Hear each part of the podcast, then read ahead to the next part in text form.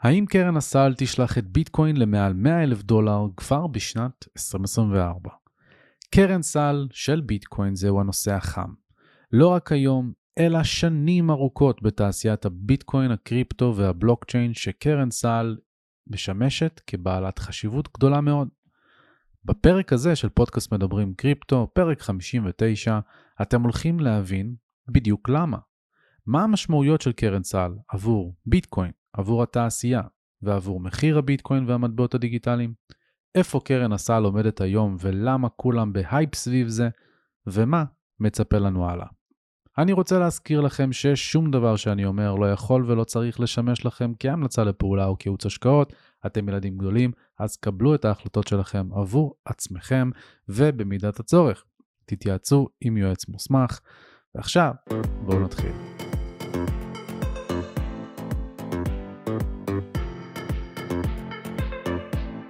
אז בשביל להבין למה קרן סל חשובה, צריך להבין קודם כל מה זה בכלל קרן סל.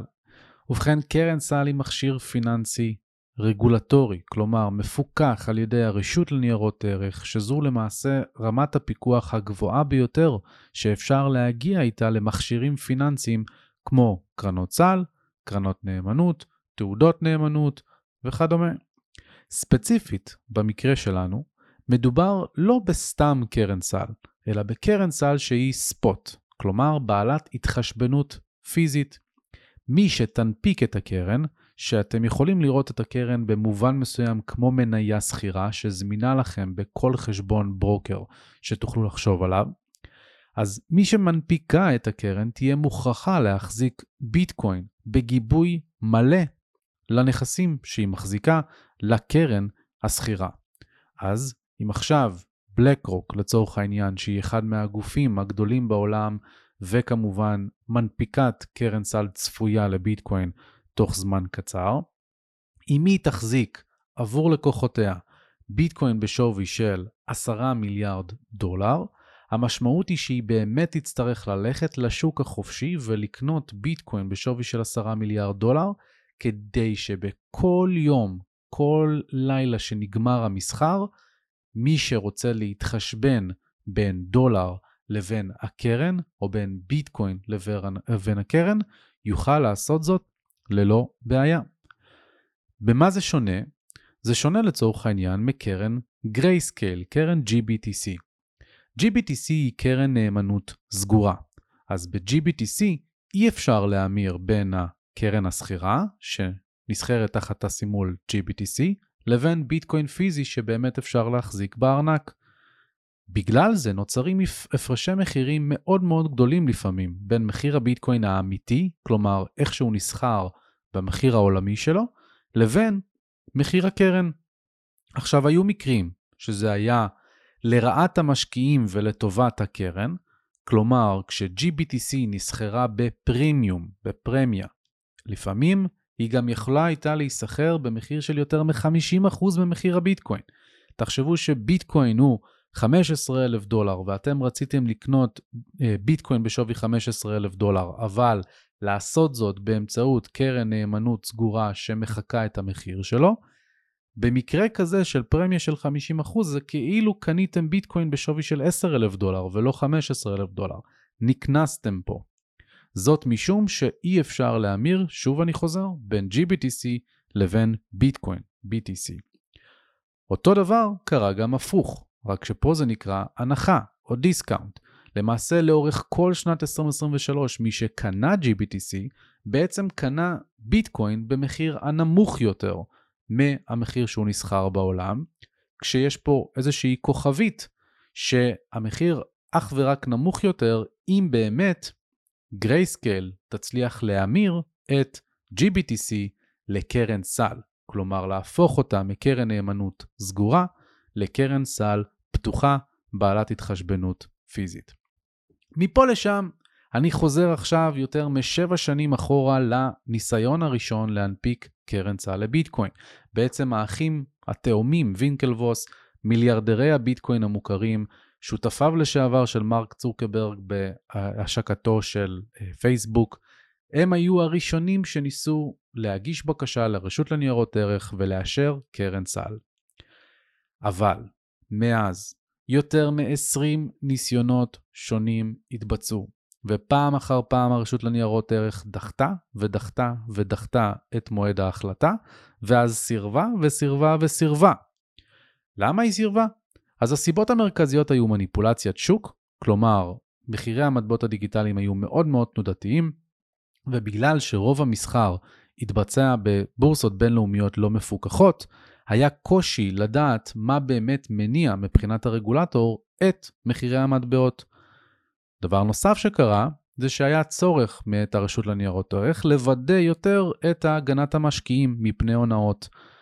ולבסוף, שמצליחים לעקוב אחרי הנזילות, כלומר כמה ביטקוין באמת זמינים בשוק החופשי ונסחרים שיאפשרו לאותם גופים להחזיק אותם.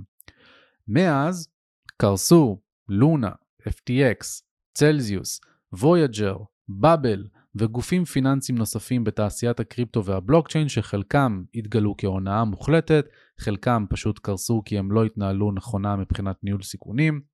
ראינו גופים כמו בייננס וקראקן מגיעים להסדר טיעון עם הרשות לניירות ערך על מקרים מסוימים או נתבעים על ידה. ראינו את בייננס מגיעה להסדר טיעון על, אה, עם המשרד המשפטים האמריקאי. ראינו מסע תביעות של הרשות לניירות ערך נגד בורסות כמו קוינבייס, אבל הדבר המשמעותי ביותר שקרה היה שלגרייסקייל נמאס. מנפיקת GBTC שבעצם ניסתה המון המון שנים להפוך את GBTC לקרן סל כבר הסירה את הכפפות והחליטה שהיא תובעת את הרשות לניירות ערך על כך שהסיבות שבעקבותיה הרשות לניירות ערך מסרבת להפיכת GBTC לקרן סל הן לא סיבות מוצדקות, שאין באמת תירוץ שה-SEC יכולה, ה-SEC כמובן הרשות לניירות ערך, יכולה באמת להצדיק בבית משפט את הסיבות אה, שהיא לא מאשרת לגרייסקייל. כמעט שנה לאחר מכן, fast forward ליוני או יולי 2023, וגרייסקייל מנצחת את הרשות לניירות ערך. ואם חשבתם שזה יסתכם בניצחון הזה, אתם טועים. כי לא רק שהנוסח שבו בחר השופט להתבטא היה מאוד מאוד מאוד אגרסיבי נגד הרשות לניירות ערך, וכמעט ולא השאיר לה אף סיכוי לערער, ולאור זאת היא באמת החליטה שלא לערער, אלא גם נכנסו שחקנים סופר משמעותיים למרוץ, וסופר משמעותיים בלשון המעטה. בלק רוק, הגוף הפיננסי המוסדי הגדול בעולם, המנהל כעשרה טריליון דולר שווי נכסים, נכנס למרוץ. עכשיו, שיהיה לכם סדרי גודל, כן? בלק רוק לא מגישה בקשה אם היא לא יודעת שהיא הולכת לקבל את האישור. עד כה, בלק רוק הגישה 576, סליחה, 576 בקשות לקרן צל או לקרן נאמנות או לתעודות כאלה ואחרות שמצריכות אישור של הרגולטור, ורק אחת מהן סורבה.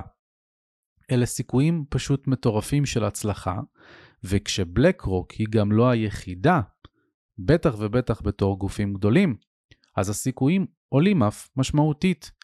היום יש לנו גופים כמו אינבסקו, פרנקלין טמפלטון, וויזדום טרי, ואן אק ופידליטי, אלו גופים שמנהלים כקולקטיב טריליוני דולרים של שווי נכסים מנוהלים, והם מצטרפים לבלק רוק כאשר על הפרק יש 12 בקשות סך הכל, והן כולן מצופות להיות מאושרות בחלון הזמנים הבא, שזה ה-8 עד ה-10 בינואר שנת 2024.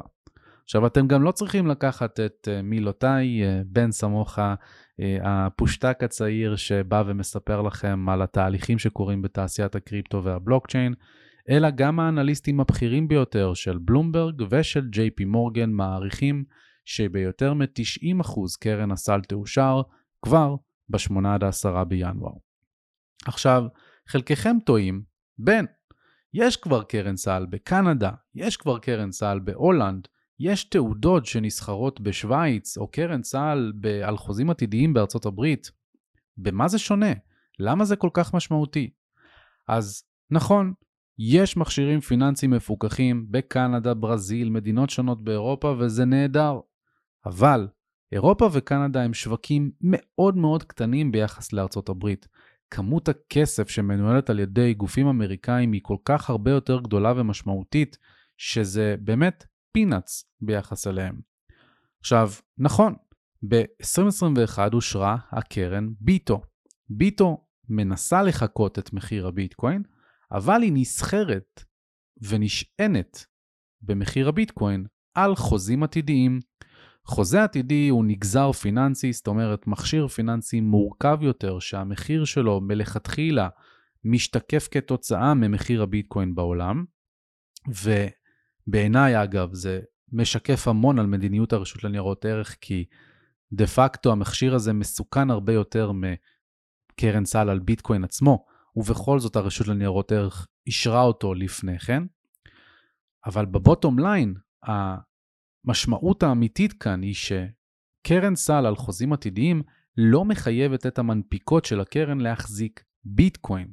מעבר לזה, העלויות שלו מאוד מאוד גבוהות, נלקחות בצורה הרבה יותר שוטפת מאשר רבעונית, חצי שנתית או שנתית, ובעצם הופכות את זה לממש ממש לא אותו דבר. קרן סל עם התחשבנות פיזית, כלומר ספוט, משנה לחלוטין את התמונה. אז בשלב זה בעצם הבנו שאישור הקרן סל הוא לא שאלה של אם, הוא שאלה של מתי.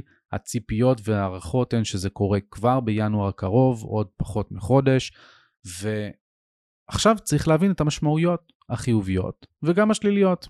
בואו נתחיל עם הדבר המשמעותי ביותר תכלס עבורכם, המחיר.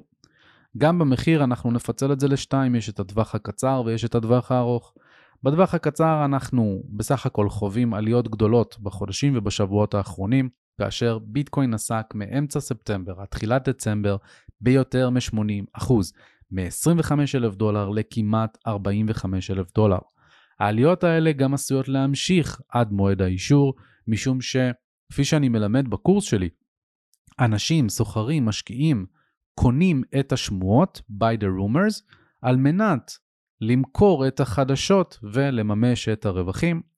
אז למעשה יש פה ציפייה לעבר ה-8 בינואר, יכול להיות שזה ייפסק טיפה לפני, יכול להיות שזה ייפסק טיפה אחרי, אבל כשהחודשות יהיו סופיות, ככל הנראה יהיה איזשהו תהליך מימוש רווחים, ובמסגרתו תיקון במחיר הביטקוין. אתם שואלים אותי, האם התיקון יהיה מה-44 אלף דולר שאליו ביטקוין הגיע לאחרונה לעבר ה-35 אלף דולר, או שביטקוין יצליח להגיע עד ה-55 אלף דולר ואז לתקן ל-42 אלף דולר, אין לי שמץ של מושג, ומי שיגיד לכם שהוא יודע, מחרטט אתכם. כי בזמנים כל כך קצרים, וכשהשוק מתנהג בצורה מאוד לא רציונלית כי הוא מצפה למשהו גדול, קשה מאוד להעריך את הדברים האלה. ולכן, בינינו, הטווח הקצר לא מעניין פה. כי את הציטוט הבא אמר לארי פינק, מנכ"ל בלק רוק, וככל הנראה הבן אדם השני בחשיבותו בעולם הפיננסי אחרי ג'רום פאול, יושב ראש הפדרל רזרב. הוא אמר את זה בריאיון בבלומברג. אנחנו רוצים לעשות דמוקרטיזציה להשקעות בקריפטו. כחלק, כמובן, סוף ציטוט, מהמדיניות של בלק רוק, או לפחות מה שהם מנסים לשקף כמדיניות שלהם. באותו ריאיון הוא הסביר שהוא עצמו רואה בביטקוין כנכס בינלאומי, חסר גבולות, שמהווה גידור מפני כסף ממשלתי, ושיש בו צורך מיוחד במציאות של ימינו אנו, כאשר האינפלציה גבוהה, הבעיות הגיאופוליטיות רק נמשכות ואף מחמירות, וכך גם הדפסות הכספים. אז קרן סל מאפשרת בעצם שני דברים מרכזיים. לכל משקיע קטן תהיה את האופציה לרכוש מכשיר פיננסי מפוקח, שבאמת מגובה בביטקוין ביחס של 1 ל-1 דרך חשבון הבורסה הפשוט שלו, כמו לקנות קרן סל שמחקה את מחיר הזהב. בנוסף לזה, כל משקיע מוס, מוסדי גדול יוכל לעשות זאת דרך גוף אמין בחסות פיקוח של ה-SEC, וזה משהו שחיכו לו המון המון זמן. למעשה, כחלק מתהליכי הלמידה שלי, אני באמת מקשיב, צופה, מאזין המון למשקיעים החשובים, לאנליסטים הגדולים, לכלכלנים, וההתייחסות שלהם לעבר האישור הסופי של קרן סל בעלת התחשבנות פיזי שמאושרת על ידי הרשות לניירות ערך, היא כזו שבעיניהם אמורה להזרים בטווח זמן לא ארוך במיוחד טריליונים של דולרים לכדי שוק הקריפטו. עכשיו, צריך להבין גם שבטיימינג אנחנו בפוזיציה מעניינת במיוחד. כיום על פי הערכות יש פחות משני מיליון מטבעות ביטקוין שזמינים בבורסות קריפטו, ואני נדיב. כל השאר מוחזקים בארנקים על ידי אנשים פרטיים, או על ידי עסקים כמובן, או שהם אבודים, כלומר אנשים איבדו את המפתח הפרטי, את הקוד לביטקוין שלהם, או שהם חלק מהמיליון וחצי מטבעות שעוד לא נוצרו. אם עכשיו, כשקרן הסל תאושר, ייכנס ביקוש גבוה מאוד ההנפיקות כמו בלק רוק, מנפיקות כמו פידליטי, כמו פרנקלין טמפלטון, כמו ון הק, יצטרכו ללכת לשוק החופשי ולקנות המון המון ביטקוין לתוך שוק שיש פה נזילות יחסית נמוכה. כלומר, הפרמיה שהם יצטרכו לשלם על הביטקוין הבא שהם קונים תהיה גדולה, וכתוצאה יש פה פוטנציאל מכובד מאוד לגידול אקספוננציאלי כזה שחווינו ב-2017, חווינו ב-2013 וחווינו כמובן ב-2021. זה רלוונטי במיוחד, כי גם במהלך 2024, כמו במאי 2020, כמו ביולי 2016, כמו בנובמבר 2012, הולך לחול אירוע חצייה. זאת אומרת, איפשהו בסוף מרץ או תחילת אפריל, הקצב קריאת מטבעות הביטקוין נחתך בחצי. אם היום נוצרים כל 10 דקות בממוצע 6 ורבע מטבעות, זה הולך להיחתך ב-2 ל-3 ושמינית. או שדרך אחרת להסתכל על זה, זה מ-900 מטבעות חדשים שנכרים ביממה ל-450. עכשיו, כשמצד אחד הביקושים עולים או צפויים לעלות בכזה סדרי גודל, ומצד שני ההיצע או לא זמין בבורסות או הולך וקטן, כלומר המתחדש, המשמעויות פה הן שהפוטנציאל גידול מאוד מאוד גדול ומאוד מאוד ורוד. עכשיו, מה עם הצד השני של המשוואה? אז בעצם הצד השני של המשוואה מתפצל גם הוא, כפי שכבר הבנתם, אני אוהב לפצל את התשובות לכמה אה, אה, שכבות סלש אה, פקטורים שמשפיעים עליו. בצד השלילי יש פה שני דברים שאנחנו צריכים לחשוב עליהם.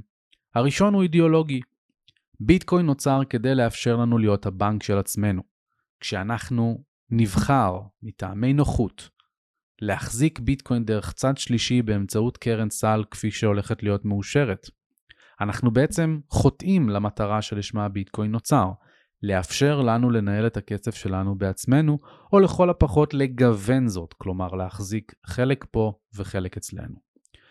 הבעיה היא שככל שיעבור הזמן, כך אנשים ירגישו בנוח לחזור לסמוך על גופים אחרים שיחזיקו וינהלו להם את הכסף.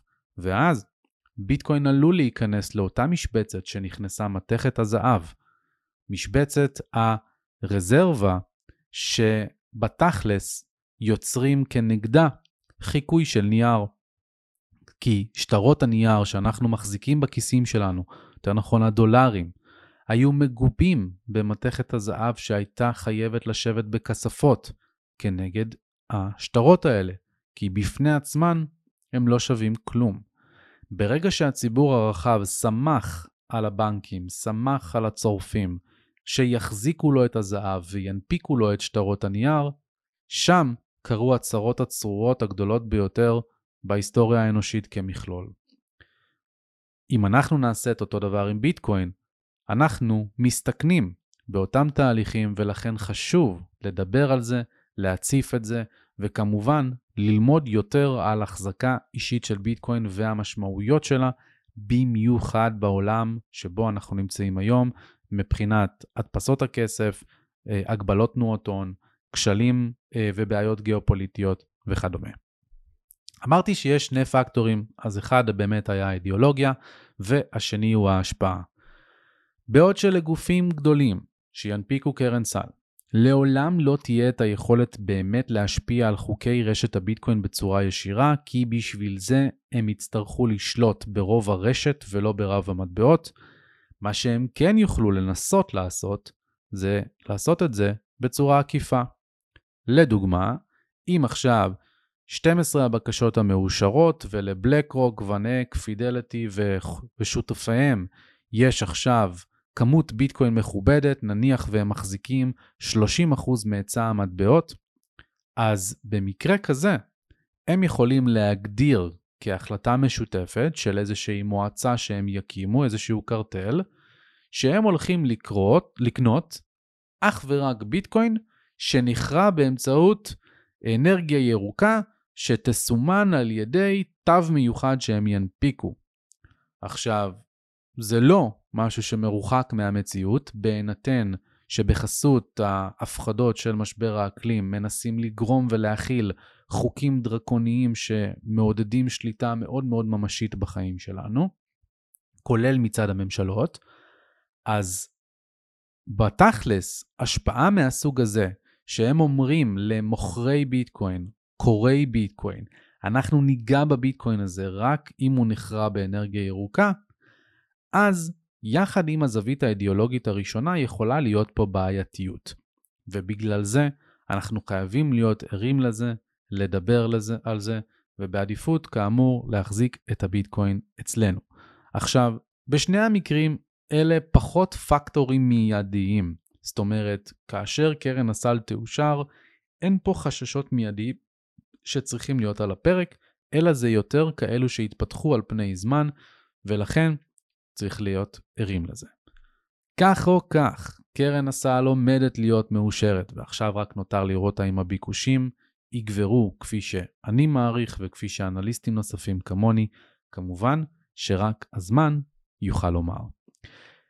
תודה שהאזנתם, ואם אתם רוצים ללמוד יותר לעומק, לא רק מהו ביטקוין ומה הם מטבעות דיגיטליים, אלא למה הם נוצרו, מה הם עושים, איך לנתח אותם כדי לקבל החלטות טובות יותר כמשקיעים וסוחרים, ובתכלס למצות את המיטב של הפוטנציאל של השוק השורי שלפנינו, אתם מוזמנים להיכנס ללינק שמופיע לכם בתיאור הפרק, וכמובן לשלוח לי הודעה ב-info at cryptojungle.co.il, info שטרודל קריפטוג'אנגל, co.il.